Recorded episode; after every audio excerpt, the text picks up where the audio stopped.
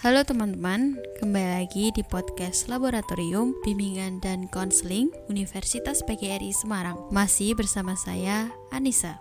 Podcast kali ini untuk para perempuan. Sebagai anak dan menantu, istri atau ibu, saudara atau ipar, tetangga dan warga negara yang berkarya, yang bekerja di luar rumah. Memilih berkarya dengan sukarela dan sepenuh hatinya perempuan yang memilih untuk berkontribusi lewat berbagai bidang dan caranya. Sebagian perempuan mengalami hambatan bahkan celaan di lingkungan. Sebagai perempuan, sekedar membuat pilihan saja sudah menantang. Kita kerap didera perasaan bersalah, walau memiliki tujuan yang mulia. Tidak sedikit perempuan yang cemas dengan kemampuannya sendiri. Tidak jarang pula malah menganggap rendah dirinya. Tidak heran, penelitian menunjukkan sukses berkorelasi positif bagi laki-laki, namun kerap kali membawa konsekuensi negatif bagi perempuan. Menjadi sukses dan disukai banyak orang bukanlah hal yang biasa bagi para perempuan. Kerap kali hal tersebut bertolak belakang. Kenyataan di sekeliling kita menunjukkan Terkadang ambisi yang dimiliki seorang perempuan dianggap bertentangan dengan tradisi. Seorang pekerja perempuan yang mengupayakan posisi dianggap hanya mementingkan diri sendiri. Mereka yang berani unjuk diri sering kali dihindari, bahkan saat sudah berhasil, walaupun sukses sudah membawa manfaat bagi orang lain, cibiran mungkin masih kerap datang. Menjadi berhasil bagi seorang perempuan bisa saja memicu hal negatif. Dianggap begini, dianggap begitu, dinilai macam-macam. Banyak yang harus diperbaiki.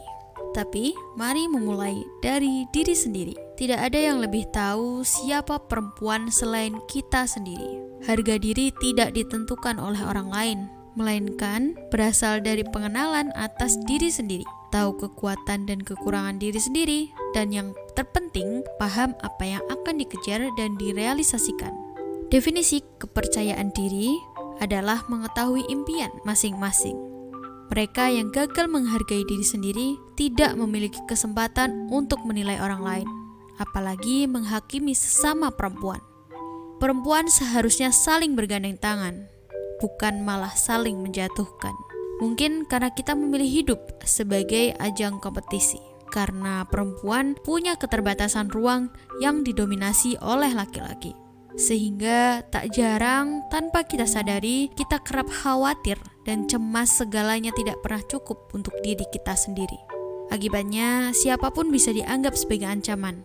Gerak-gerik orang sekitar bisa dicurigai sebagai tantangan. Ada fenomena yang dikenal sebagai Queen Bee Syndrome Hasil penelitian mengungkapkan sekitar 58% perundung di tempat kerja adalah perempuan dan 90% mereka memilih perempuan lainnya sebagai korban.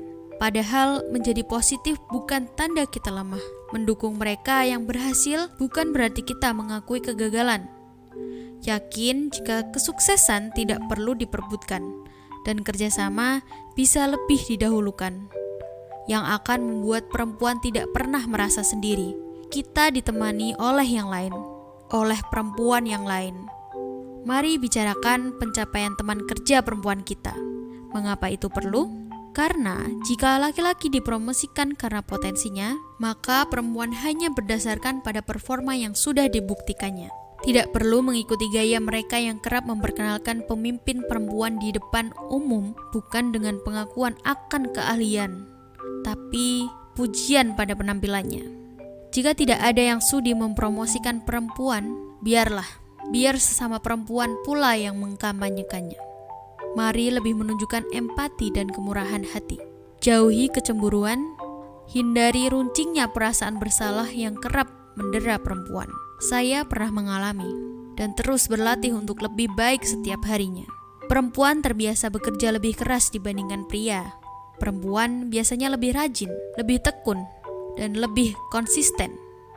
Karena sering kali pintu-pintu yang terbuka mudah untuk laki-laki justru harus lebih diketok atau dobrak lebih keras oleh perempuan. Jadi, mari membangun lingkaran kekuatan antar perempuan. lingkaran untuk berbagi pikiran dan perasaan, juga memupuk keberanian. Percayalah, kita tidak pernah sendirian jika mau membangun lingkaran. Selamat Hari Kartini untuk para perempuan pejuang emansipasi di masa kini.